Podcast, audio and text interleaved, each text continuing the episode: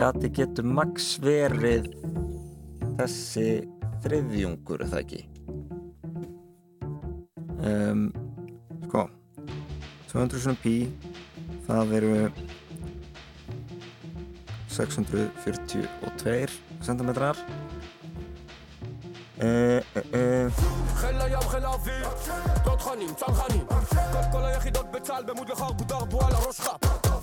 Sami Grand Prix er menningarviðburður sem samsvarar Eurovision.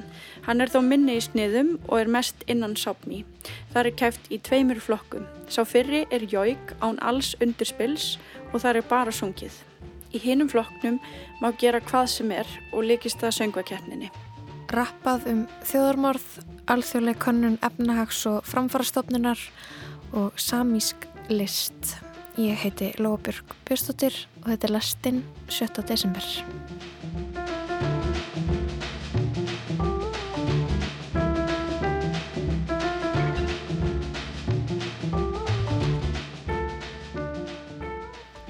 En við ætlum að byrja þáttin í dag á því að velta fyrir okkur vinsælu lægi.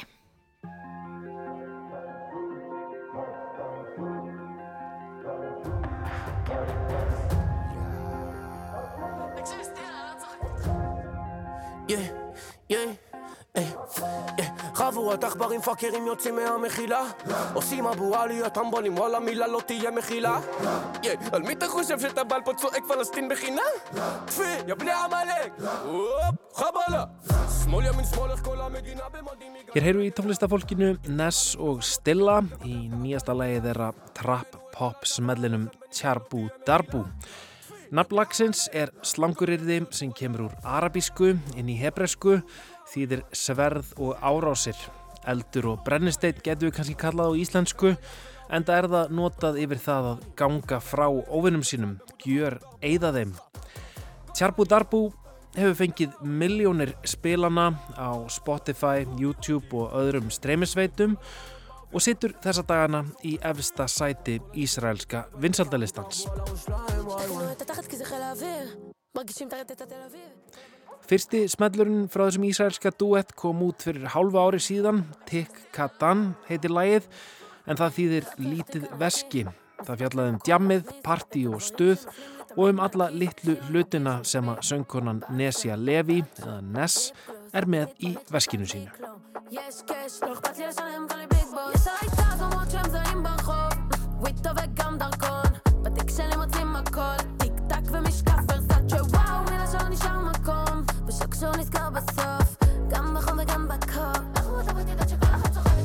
סוחבת לי את התיק קטן, מספיק לדם, קטן, כל אחת סוחבת לי את קטן, תיק tík Eftir fjöldamorð og gíslatökum Hamas samtakana í Ísrael 7. oktober síðastliðin hefur stemningin í ísraelsku samfélagi gjör breyst. Áhugilust djam er ekki lengur viðfangsefni poplaga, heldur stríð og hemd. Frá litlum veskjum á djaminum til elds og brennisteins sem regnir yfir óvinnin.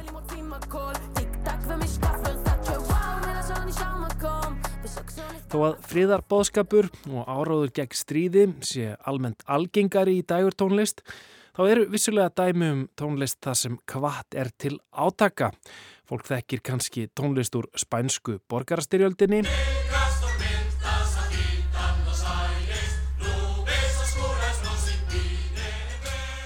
Þjóðlega söngvarinn Woody Guthrie hvati bandarækjaman til að taka þátt í stríðinu, berjast gegn Hitler. There's a great and a bloody fight around this whole world tonight.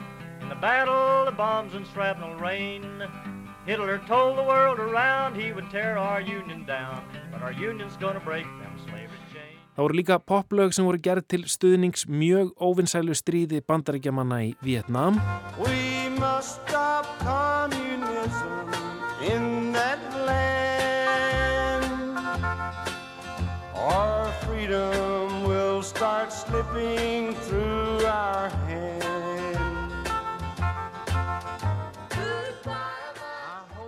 Nær okkur í tíma er rúsnest þjóðurnispop við upphaf Úkrænustriðsins.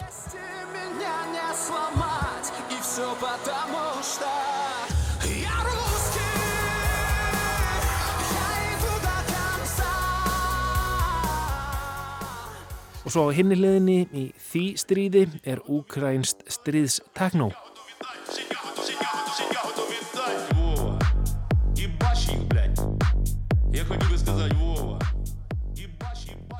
Tjarbu Darbu sem kom út 14. november síðastliðin er tilengað hermönum Ísraels hers og fljótlega eftir að það kom út flutti hljómsettinda fyrir hóp hermana en það tekstinn sérstök kvatning til þeirra, hótanir til Hamas og annara óvinna Ísraelsíkis.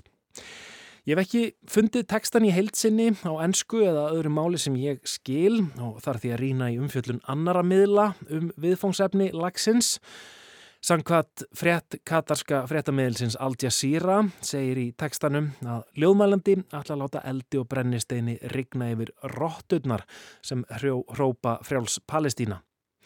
Á fréttamiðlunum Times of Israel finn ég svo enska þýðingu á nokkrum fleiri tekstabrótum úr hebreska tekstanum. Það var þetta þýðuð einhvern veginn svona, vinstri, hægri, vinstri, hvers vegna er öll þjóðin klætti herbúning frá Galilegu til Eliat. Sýnir Amalegs, allur herin er gegn ykkur og við sverjum að það verður engin fyrirgefning, rappar söngvarinn og pródusentinn Dór Soraker sem kalla sig Stilla. Hann vísar þarna eins og Benjamin Netanyahu hafði áður gert í ræðum sínum í biblíusöguna um Amalek. Zahor et asher asa lecha ma Amalek nýttstafenu.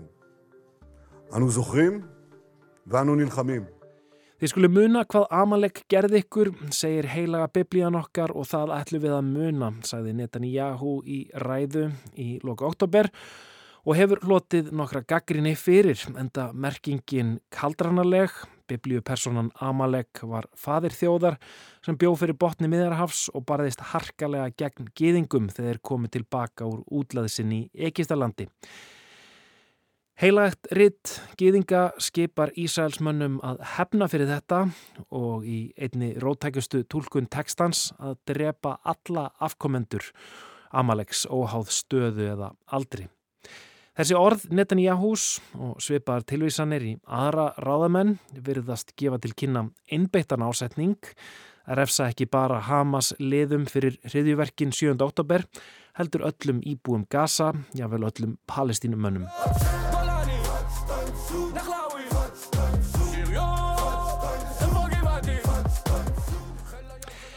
Viðlægið í Tjarbu Darbu er svo upptalning á nokkrum helstu deildum Ísraelska hersins og endar svo orðunum Allar sveitir hersins láta Tjarbu Darbu, eld og brennistein, rigna yfir þig.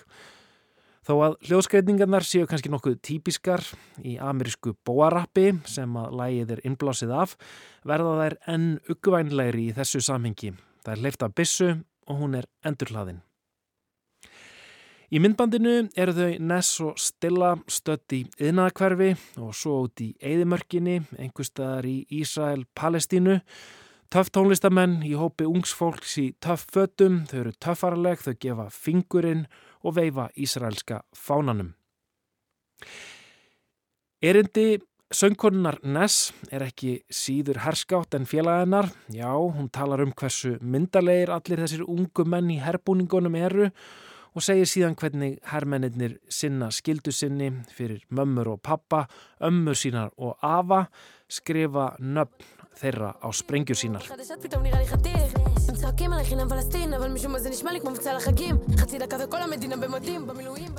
Lægið endar svo með hressum takti og upptalningu þar sem að rapparatnir lofa að eksa út óvinni sína, útrýma þeim Þetta eru fyrst og fremst hátsettir meðlimir Hamas, til dæmis Ismail Haniyeh og Mohamed Deif, en sá síðanemdi er oft nefndur aðal skipulegjandi árásarinnar 7. oktober.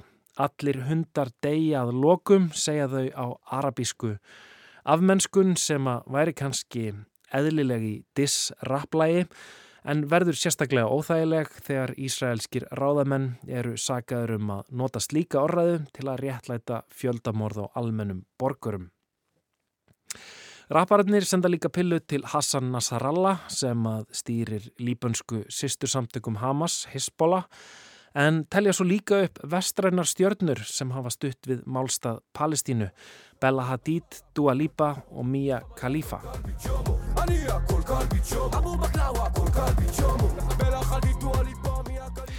Ísraelski tónlistamenn hafa í gegnum tíðina oft brúðist við átökum ríkisins við Palestínu en flestir hafa þeir samið harmljóð, sorgarsöngva, það hefur verið venjan. En tónlistafólkið Ness og Stilla segast vilja breyta andrúnsloftinu í samfélaginu og tónlistinni sem Ísraelar hafa sótt í frá árasum Hamas. Það er komin tími til að umbreyta sorginni í reyði hefur Ísraelski miðlinn forvart eftir duetinum. Bladamanni forvart, Tani Levitt, er hins vegar augljóslega brugðið vegna vinsaldalagsins og skrifar í landi þar sem tónlistamenn hafa yfirleitt nálgast átökin með skarpri greiningu þá er óþægilegt að sjá þennan stríðisæsinga söng á toppi vinsaldalistans. Aðrir hafa svo gengið lengra og sagt að hvetja til þjóðarmors, þetta sé þjóðarmorða rap, genocidal rap. Þó að ímsir Ísælsmenn séu gaggrínir á lægið og vinsaldir þess eru svo aðrir sem hafa tekið í fagnandi. Enda mikil reyði í Ísælsku samfélagið. Lægið hefur notið vinsalda á samfélagsmiðlum þar sem notendur taka sjálfa sig upp rappandi með stríðis áróðurinnum mundandi ímynduð skotvopn. Í áðurnemndri grein forvart er haft eftir Sjanju Væs, professor í Ísraelsfræðum við Brandes háskóla, að markhópurinn, Ísraelsk ungmenni í dag, séu hæri sinnaðri en þjóðin í heilsinni. Kanski að því að þetta er fólk sem að man ekki eftir þeirri bjart síni og von sem að fyldi friðar viðræðunum á tíund áratögnum. Þetta er fólk sem á vini í hernum, þetta er fólk sem þarf að fara að sinna herskildu á næstunni eða hefur gert það nú þegar. חבורת עכברים פאקרים יוצאים מהמחילה. עושים אבו עליות טמבונים וואלה מילה לא תהיה מחילה. על מי אתה חושב שאתה בעל פה צועק פלסטין בחינה? טפי, יא בני עמלק! חבלה! שמאל ימין שמאל איך כל המדינה במדים מגליל עד אילת לוחמים לוחמות טוב לבן ומג"ב קרקל ברדלס.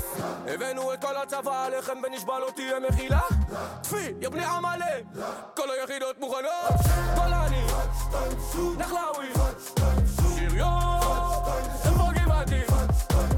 חיל הים, חיל האוויר, תותחנים, צנחנים. כל היחידות בצה"ל במוד לחרבו דרבו על הראש חפ גולני, נחלאווי. שריון, איפה גבעתי? על הזי סוף וכפיר כל היחידות בצה"ל באים לחרבו דרבו על הראש שלהם וואי וואי. אתה תחת כי זה חיל האוויר. מרגישים את הרטט התל אביב. כל הבנות דופקות לחיילים בבתים וגם ההוא בחדשות פתאום נראה לי חתיך. הם צועקים עליי חינם פלסטין אבל משום מה זה נשמע לי כמו מבצע לחגים. חצי דקה וכל המדינה במדים במילואים בסדיר כולם חד שתיים. בשביל אמא ואבא כל החבר'ה שלי בחזית אחת לסבתא וסבא חושבים שמות על הפגזים. הילד בעוטף עזה גליל עליון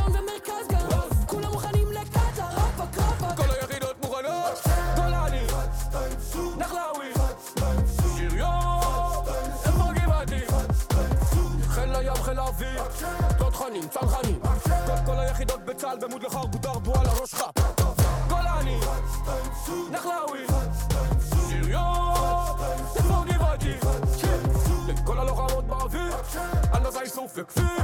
כל היחידות בצה"ל באים לחרבו דרבו על הראש שלהם וואי וואי עוד איקס לנשק כל קלפי ג'ומו חבו שנאפי להלחם גשם כחבוט כל קלפי ג'ומו כל מי שתכנן, כל מי שתמך, כל מי שביצע, כל מי שרצח כל קלפי ג'ומו הסתבכת כל קלפי ג'ומו שמעת כל קלפי ג'ומו נסראללה כל קלפי ג'ומו מוחמד אף כל קלפי ג'ומו הנייה כל קלפי ג'ומו אבו בקלאווה כל קלפי ג'ומו בלח אל תיתו הליפה מיה קליפה כל קלפי ג'ומו כל היחידות בצה"ל באים לחרבו דרבו על הראש שלהם וואי וואי Þetta voru þeir Ness og Stilla, lægið Tjarpa Darba, vinsalsta lægið í Ísælum þessar myndir. Stríðis áraður með drilltakti, hafa ykkur sagt. En við ætlum að halda okkur við tónlist, e, þó úr öðrum heimsluta og vonandi með hans fallari bóðskap þar Katrin Helga Ólastóttir sem að teku við. Hvað er jóik? Ég talaði við tvær samískar tónlistarkonur sem voru á Íslandi fyrir stuttu. Ég fekk að spyrja þær út í jóik og aðrar samískar höfðir. Viðmælendur mínir eru Sara Hermansson og Elina Jóhansen Lías. Sara kemur frá Svíþjóð en Elina frá Noregi. Við vorum saman í upptökum í sundlauginni í Mósfellsbæ síðastliðið november. Við sátum saman í eldhúsinu og í bakgrunninum á upptökunni heyrist í gítar sem verið var að taka upp í næsta rými. So the yoiking is like, you could say the traditional, uh, the Sami traditional way of singing. And yoiking is actually the oldest singing form, uh, is one of the oldest singing form uh, in Europe. And um, when we talk about joik, we often say that you joik something. You don't joik about something. Mm. So for, for example, Sara talaði um að þetta væri eitt elsta söngform í Evrópu og væri frábrúðið hefðbundnum lögum á þann hátt að þegar jaukað er sé ekki sungið um hluti, staði, tilfinningar, dýr eða mannesku, maður jaukar út frá hlutnum en ekki um það. Með því reynir maður að sína hvernig manneskja eða hlutur er og kannski tilfinningar til þess. Hér er dæmi um jauk um mannesku. Þetta jauk er nýlegt eftir Níls Jóhann Gaup og jaukið heitir Líse Merethe.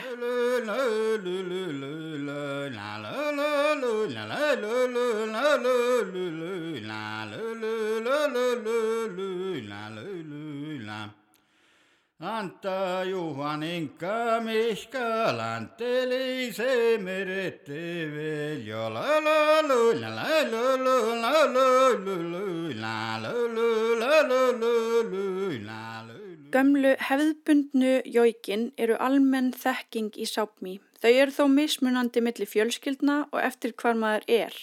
Stundum eru jóikinn án orða en stundum eru einhver orð sem útskýra viðfangsefni jóiksins. Vanalega er laglinan eitthvað sem lýsir því sem jaukað er um. Ef það er til dæmis verið að jauka um dýr og dýrið er stórt þá er jaukið djúbratað og þunglamalegt.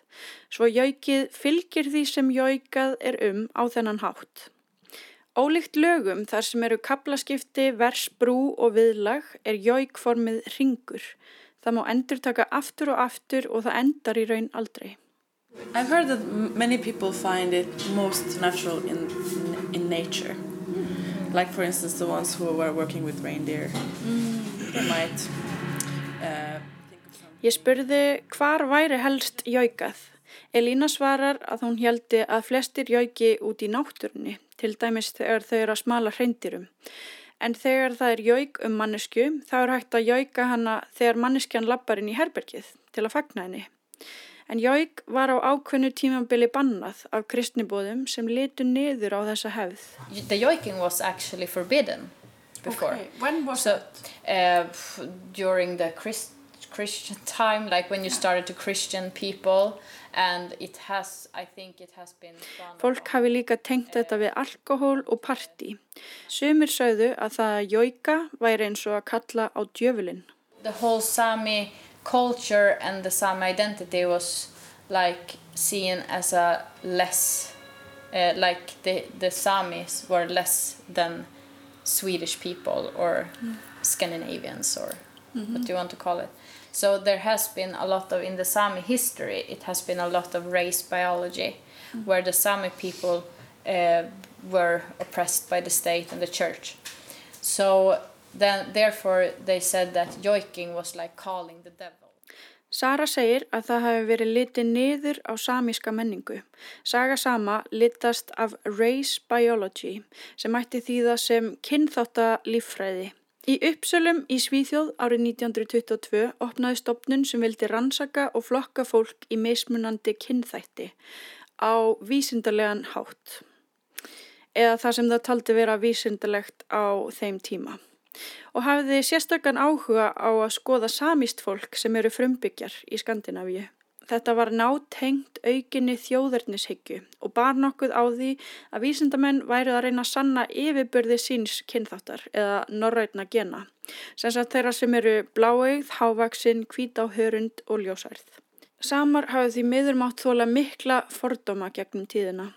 Aðferðir sem voru notaðar til að meta fólk voru oft niðrandi og fólust meðal annars í að taka myndir af þeim frá öllum hliðum, bæði í og án fata. Einni voru tekinn bein úr gröfum til að mæla og skoða. Enn í dag er samíska þingið að berjast fyrir því að fá beinin sem voru tekinn tilbaka.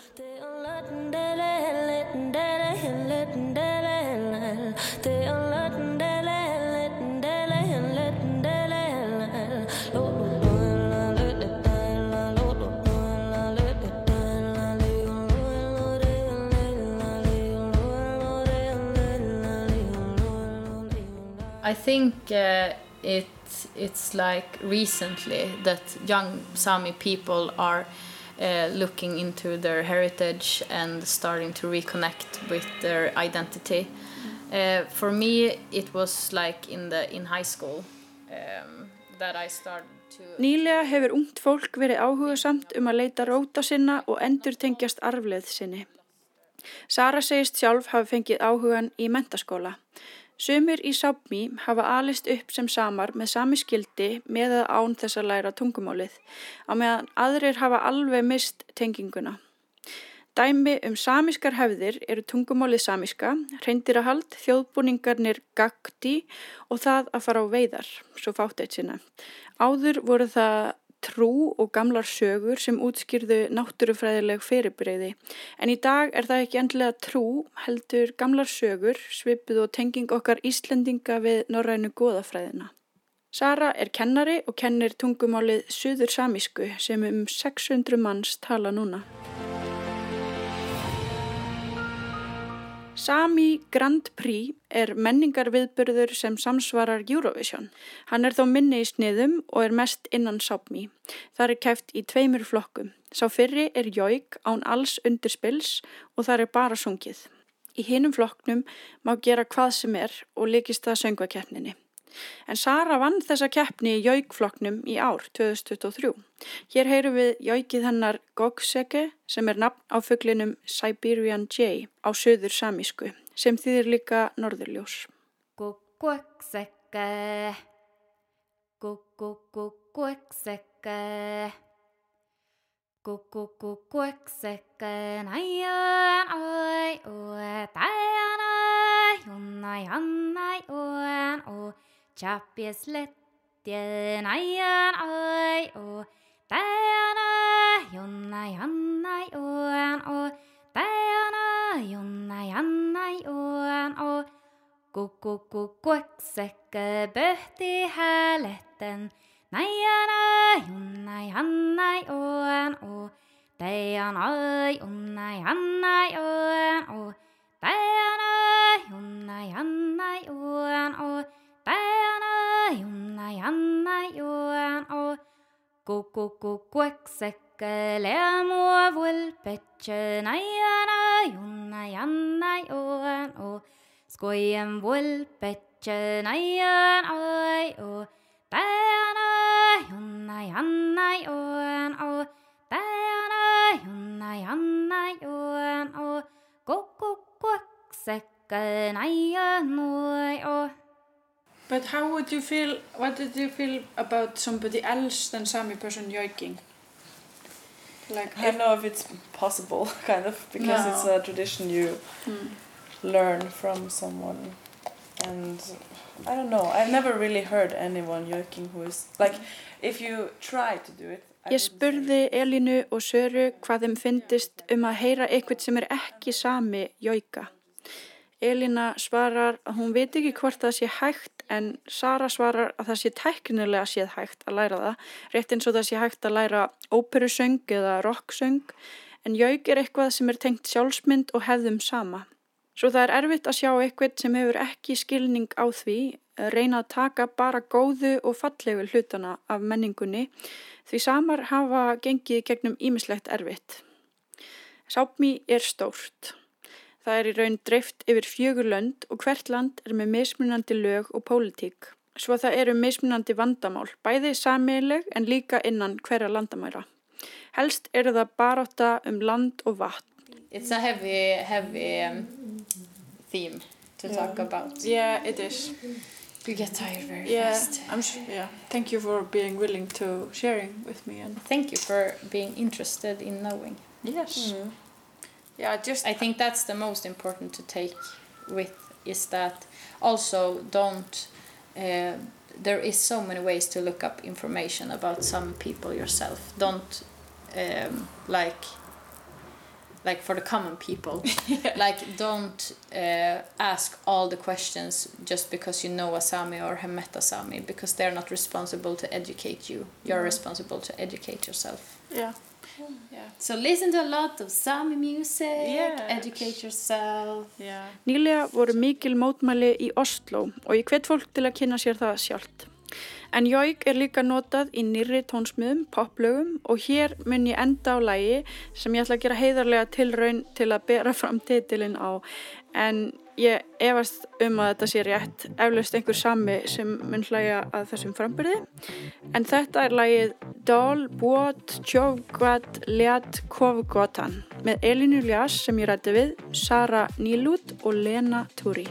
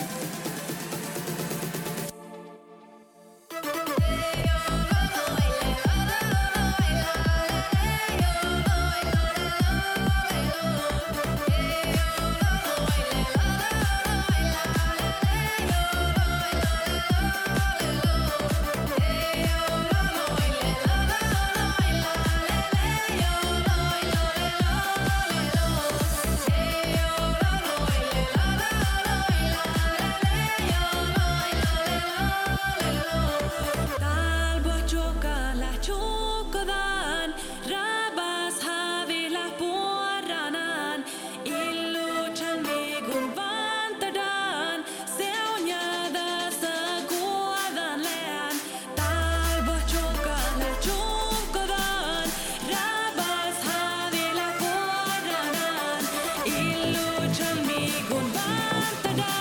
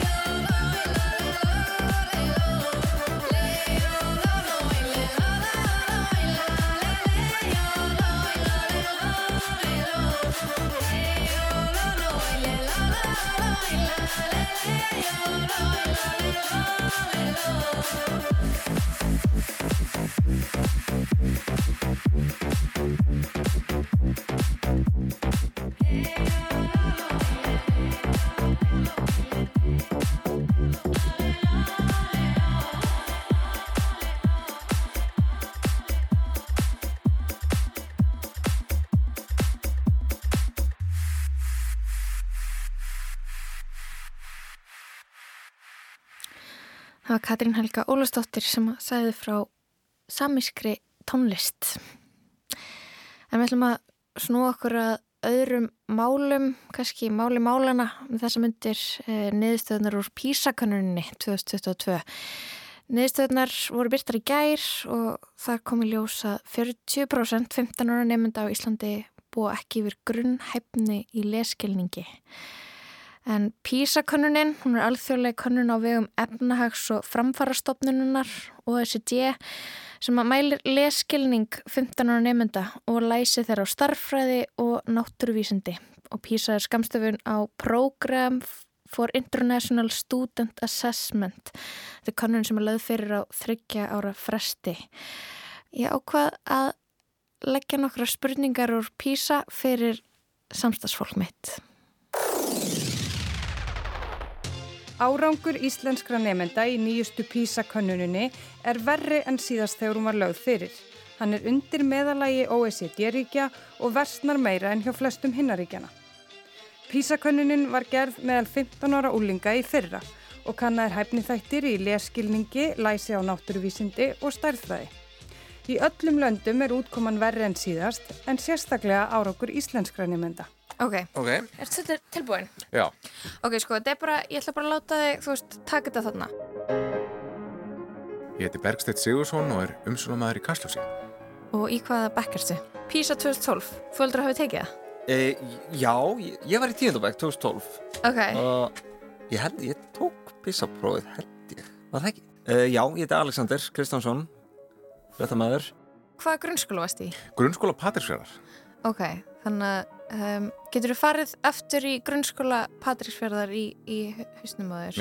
Setti í stellingar. Þú veist í Já. þú veist 15 ára Já.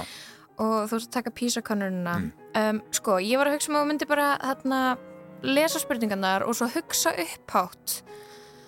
Þarna reyn, reyndu að segja, segja mér allt sem er að fara í gegnum hausunaður með þú ert að hugsa svörin. Þetta er hann að spurningar og starffræðlitunum PISA 2012.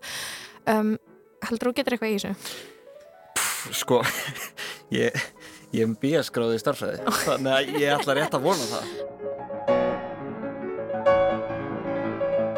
Ég heiti Anna Sigriður Þráinsdóttir, ég er málfarsraðunautur Ríkisútarsins og ég gekk í tvo grunnskóla, ég var fyrst í Árbæðaskóla og svo í Ölduselsskóla. Ok, þannig að ég held að við bara látum þig að fá þungan leskilning. Ok. Bara... Byrja að lesa? Já, þú mátt byrja. Ímyndaði þér að á bókasafni í nágranninu verði haldin fyrirlestur í næstu viku. Fyrirlesturinn verður haldin af prófessor úr háskóla í nágranninu. Hún mun tala um rannsóknir sínar á eiginni Rapa Nui í Kirrahafinu, rúmlega 3200 km vestur af Síle. Nemyndur í sögu áfanganum þínum fara á fyrirlesturinn. Kennarin ykkar býður ykkur að lesa ykkur til um... Kennarin ykkar býður ykkur að lesa ykkur til um sögu Rapa Nui svo að þið hafið einhverja vittnesku áður en þið farið á fyrirlesturinn. Fyrsta heimildin sem þú lest er bloggfærsla sem prófessorinn skrifaði þegar hún bjó á Rapa Nui. Smeltu á næst örina til að lesa bloggið. Og þá ger ég það. Þú ert í heimsókn hjá ættingum sem fluttuðu nýlega á sveitabíli til að rækta kjúklinga. Þú spyrð móðusistuðina hvernig læruðu þið kjúklingarækt? Hún segir, við töluðum fjölmarka sem rækta kjúklinga og það er til mikið efni af internetinu. Til dæmis skoðaði gerðan spjallsíðu um heilbriði kjúklinga. Það var mjög gaglegt fyrir mig nýlega þegar ein af hænunum, hæ- hænunum meittist á fætti. Skal sína það samtalið sem ég átti.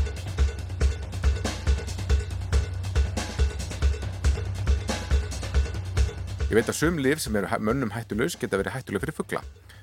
Marja svarar, ég gaf einni hænunni minni asprín þegar hún mittist, það var ekkert vandamál. Dægin eftir fór ég til dýralæknis en hún var strax fórin betri. Af hverju ákveður Inga 88 að setja spurningun á spjallsíðuna? Að því hún veit ekki hvernig hún á að finna dýralækni, að því að henni finnst vandamál hænunar ekki alvarlegt, að því hún vil hjálpa hænunni sinni eins fljótt og mögulegt er, að því hún hefur ekki efni á að fara til dýralæknis. Um, hún, hún veit hvernig á að finna dýralækni að því hún, en hún bara kemst ekki fyrir ná mánudag þannig að og henni finnst þetta að vera það alvarlegt vandamál að, að hún ætlar að fara með hann til dýralæknis en vill hjálpinni eins fljótt og mögulegt er þannig að ég ætla ætla að segja x þar Alveg viss. já, ég, ég er nokkuð viss um þetta Mm. uh, Veitu, hvernig finnst þér þetta? Uh, Sko, mér finnst þetta fínt. Mér finnst þetta bara, ég veit að ég náttúrulega bý, ég bý að hérna, að vera 45 árum í skóla lífsins. Þannig að ég, já, ég er allir vanur og hefur hérna, uh, verið í fjölmjölum og þar.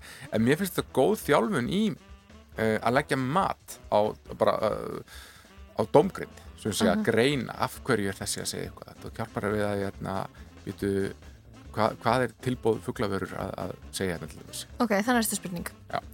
Nei Hvað er ég að segja? Býttu, já, já, já, já Já Jú, já, það er það sami Ég er að segja, stressið er að fara að verða mér að falli sko. Í hverja einu spurningu er ég að fara að hugsa ókvöð uh, Já. Ok, önnur spurning um Helenu. Og hjólinu. Helena hjólaði 6 km að heimili Frankussonar Hraðamælinn síndi að hún var á 18 km á klukkstund meðalhraða alla ferðina. Uh, uh, hver. Það er ómögulegt að segja hver lengi Helena var að hjóla. Uh, það tók Helenu þrjá klukkustundir, það tók Helenu 20 mínútur. það tók hana- Nú eru þau að reyna að trekka okkur sko. Nú Ok. gætu einhverjir bara lagt saman hraðana og delt með tveimur. Mhm. Þá lendum við í ógangum sko. Hvað, er þetta oflétt? Ég, ég held að þetta séu léttu spurningarnar, sko. Já, nú, nú fara þeir að koma með erfiðu sko. Ok. Í ringhurð eru þrjú veist, þetta er svona hurða eins og þú eru að fara inn í kringluna. Mhm, Svona. mhm. uh, skipst í þrend uh, innra þvermál rýmisins er 2 metrar, 200 cm. Hurðablöðin þrjú skipta rýminu í þrjú jafnstórsvæði. Tekningin sínir hurðablöðin á þreymur mismunandi stöðum. Uh, gati getur max verið þessi þriðjungur, er það ekki? Um, sko, 200 pi, það eru 642 cm uh, uh, uh. gatið má ekki vera Hvað er það að hugsa? sko, ég er að hugsa bara hvaða skilir þið láta loftið blása í gegn það er ef að ef að það er hér og það fer líka þú veist loftið getur blásið hvar sem er. Og ef það er á einhverjum punkti þá þarf að vera lokað sem er opið þá þarf að vera lokað fyrir hinum einn ef það er opið. Það eru segjum bara eitthvað gott hérna. Það þarf að hirska Já, mér líst aldrei vel á 104 uh, Hvað er við langar að nýpa? um, Þú hefur tíma sko. Nú, ok, ok, þá ætla ég að hugsa meira. Ok. Um, Ef það fyrir rétt fram, já. Kemur að þið eru óvast að þú er erfitt með þetta? uh, Smá. Hérna, já. Hefði búist við að alla spurningarna væri bara eiginlega í tónest að taka Mhm. uh, eins og voru svo margar framan af en, en svo er eins og ég er jafn erfitt með þetta dæmi og ég hefði átt fyrir tíu árum Mhm. uh, sko mann alltaf í þessum prófum, bæði þessu og samanlættu prófum, mér finnst alltaf að vera svona spurninga bara svona, hvað er þetta að byggja um? Ég skil ekki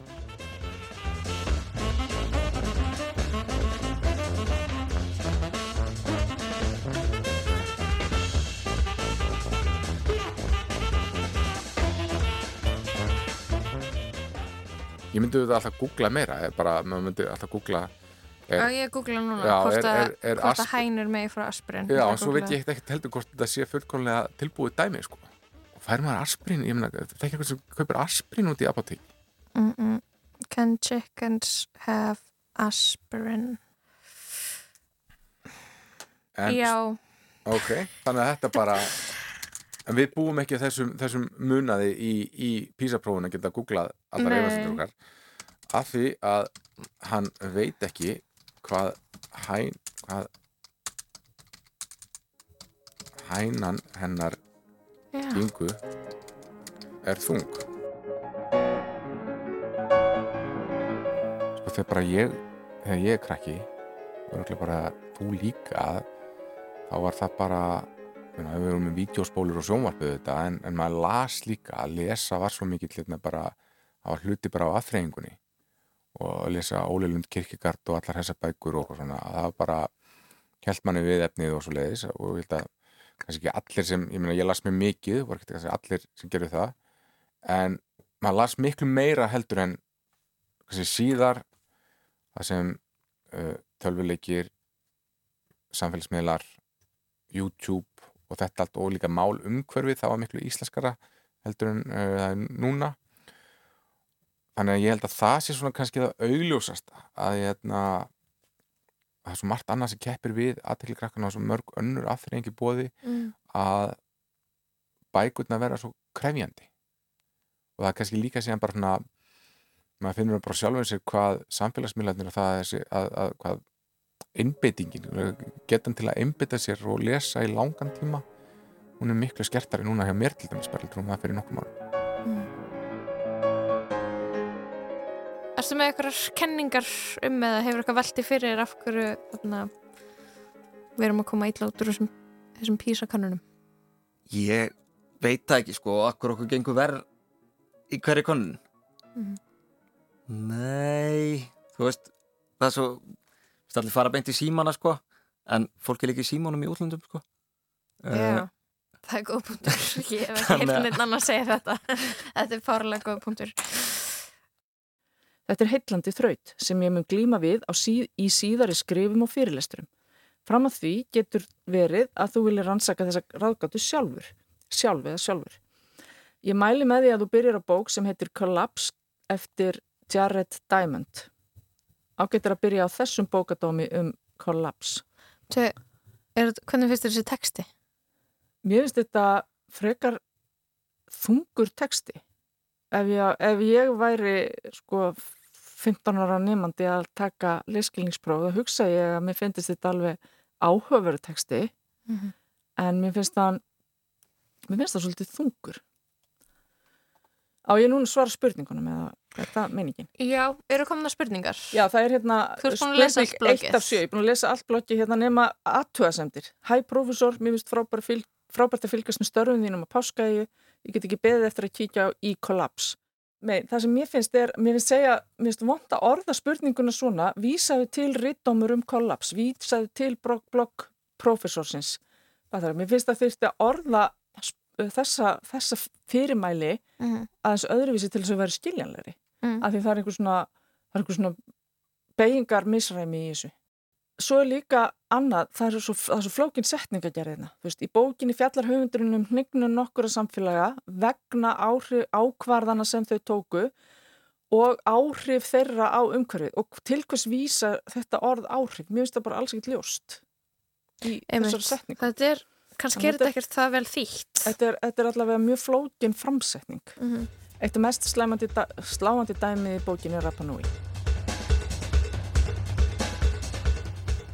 Þetta er samkvæmt höfundinum þannig að það hlýttu þá að vera staðurend samkvæmt að hansög bókinu er vel skrifuð og verðskuldur að vera lesin af hverjum þeim sem er andum um hverfi sitt. Uh, já, ok. Þetta er allavega þú veist skoðun. En mér finnst alls ekki auðvilt að ákveða mm. mér finnst það bara flókið. Um, er svona, ég, ég, ég fatt ekki vandamálið. Uh, hmm. já. Uh, uh, Hvernig fannst þér að taka þetta próf? Mér finnst þetta erfitt. Mér finnst þetta bara þræl erfitt er ekki vinna en svona að lesa texta? Jú, og skilja það og, og, hana, og frettir og fá merkingu út úr þeim og, og mm -hmm. oft líka bara meira veist, oft er ég ekki bara að, að hérna, lagfæra málfar eða orðaval eða eitthvað þess að það heldur líka bara að veist, ég, ég er stundum eða við sem að ég og málfarsækjarnir við erum stundum einhvern veginn svona síðasta stoppið fyrir texta Og við sjáum þannig að, herru, hér vantar upplýsingar í skilíkjalu hvað við erum að tala um, hér þarf að útskýra betur. Þannig að, að það er margt í þessum textum sem að ég hefði beðið höfundinum að útskýra betur. Veit, hvað, veist, ok. En, mitt, vera... en svo er samt mitt hlutverk í prófunu er að útskýra það sem þeir eru að skrifa. Ok, um, en svona hafandi, hafandi núna, tekið þetta próf og svona með vísan til umræðanar undan fannig sólarring um þessar niðurstöður úr, úr þessum písakannunum, þú veist, um, er, hvað ert að hugsa ákveðat núna? Ég hugsa alveg náttúrulega áslulega mikið um þetta, ég hef ekkert sökt mér alveg onni í alla umræðu um þessar nýðustöður, mér finnst mjög daburlegt að, að, að leskilningi í Íslenskra barna fara svona mikið aftur. Og ég það sem ég hugsa bara er það þarf að gera eitthvað í málinu. Ég, og þá er ég ekki að tala um að einstaklega skólar eigi að fá nýðustöðuna sína til þess að geta sagt já við erum bara góðum málum eða að það er að skamma grunnskóla kennara fyrir að standa sig stikkinu eitthvað þess að það er ég, það sem að ég hugsa og ég satt hérna frammi áðan í smá stund og, og hérna beði eftir að þú hóaðir í mig og var ég að hugsa mitt hérna það er búið að tvisu sinnum uh, fara í eða bóða aðgerðir til verndar íslensku. Og það fyrsta var máltækna áallin sem voru setti bara tölvert miklir peningar í og það var búið til stórt verkefni í kringum það svona stórt batteri, það var hérna voru stopnuð fyrirtæki og það var ítt undir nýsköpun og, og þetta virkaði, þetta skilaði árangri.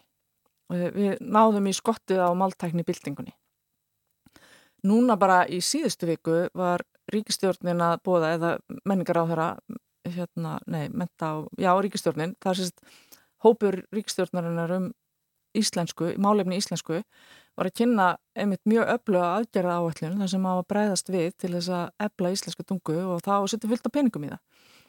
Og ég hugsa bara þetta þarf að gera fyrir skólakerfi. Þetta þarf að gera, það þarf að búa til áallunum hvernig við bætum lífskilning uh, nefnda, nefnda í íslensku skólum hvernig hérna það þarf að búa til námsefni, það þarf að þjálfa kennara, það þarf að hérna, búa til eitthvað svona ramma utanum þetta það þarf að fylgja þessu eftir og þetta kostar peninga.